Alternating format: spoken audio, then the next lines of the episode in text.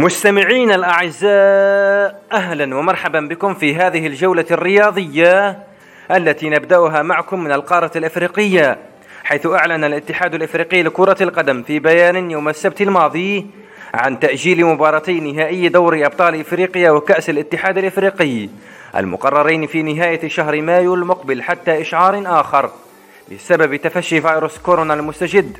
وذلك بعد إرجائه مباريات الدور نصف النهائي في البطولتين للسبب نفسه. وأضاف الاتحاد القاري أن جدولا جديدا سيتم الإعلان عنه في الوقت المناسب كما أنه يراقب الوضع عن كثب ويعمل مع الجهات المعنية على غرار منظمة الصحة العالمية بشأن تأثير الفيروس على القارة. إلى منطقة الخليج العربي حيث أعلنت قطر يوم الجمعة الماضي عن تنظيم أول ماراثون افتراضي في العالم العربي. وذلك لتشجيع الأفراد على ممارسة الرياضة من منازلهم خلال فترة الحجر التي يفرضها انتشار فيروس كورونا. وصرح رئيس وحدة الشؤون التجارية في اللجنة الأولمبية القطرية عبد الهادي مسفر لموقع الجزيرة نات بأن السباق مفتوح على مدار يوم غد الثلاثاء فقط في أي وقت ويتم تسجيل بياناته من خلال الساعة الذكية مضيفا بأنه يجب على المتسابق بعد إنهاء الماراثون إرسال البيانات المسجلة على التطبيق المعلن مع رقمه. وسترصد اللجنة المنظمة أفضل الأزمنة وإعلان الفائزين من الجنسين. وفي القارة الأوروبية العجوزة قالت هيئة الإذاعة البريطانية بي بي سي في تقرير لها إن اللجنة التنفيذية للاتحاد الأوروبي لكرة القدم ناقشت في اجتماعها يوم الخميس الماضي خيارين بشأن مسابقتي دور الأبطال والدور الأوروبي. ويتمثل الخيار الأول في إقامة الدور ربع النهائي ثم نصف النهائي. بنظام الذهاب والعودة خلال شهري يوليو وأغسطس. وسيكون هذا ممكنا فقط مع استئناف البطولات المحلية في شهر يونيو. أما الخيار الثاني فهو إقامة ما تبقى من دور الأبطال.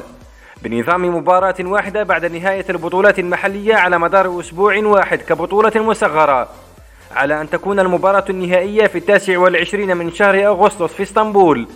وقبل ذلك نهائي الدور الأوروبي في السادس والعشرين من شهر أغسطس. في مدينة جدانسك البولندية.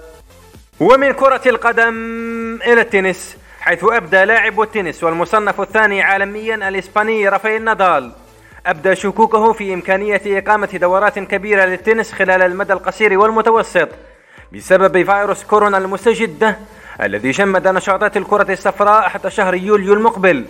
وقال نادال في تصريحات لبرنامج بثته إذاعة أونداسيرو وكوب الإسبانيتين مساء يوم الأربعاء الماضي. كرة المضرب هي رياضة عالمية. تنتقل من بلد إلى آخر ويجب أن يتحرك عدد كبير من الناس. يبدو من الصعوبة بمكان بالنسبة إلي إقامة دورة كبيرة في المدى القصير أو المدى المتوسط. محطتنا التالية مع معشوقة الجماهير الأمريكية كرة السلة.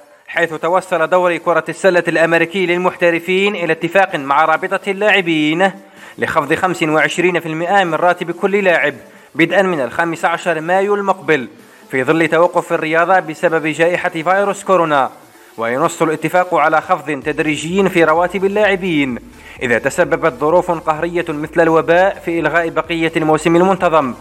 وذكرت محطة ESPN أن الأموال سترد إلى اللاعبين إذا أقيمت كل المباريات المتبقية.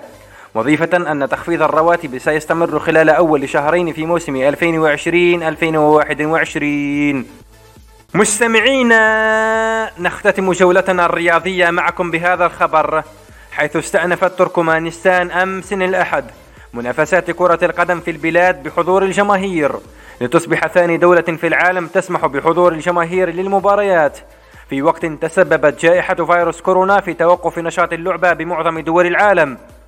وتعد روسيا البيضاء الدولة الوحيدة الأخرى التي تسمح للجماهير بحضور المباريات حاليا. ولم تتوقف مسابقات الدوري في نيكاراغوا وطاجكستان لكن المباريات تقام دون جماهير. وعلق اتحاد كرة القدم في تركمانستان مسابقة الدوري التي يشارك فيها ثمانية أندية.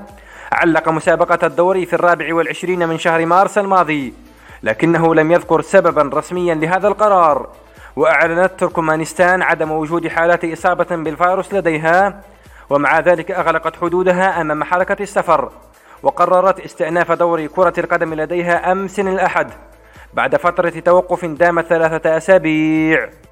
إلى هنا تنتهي جولتنا الرياضية معكم.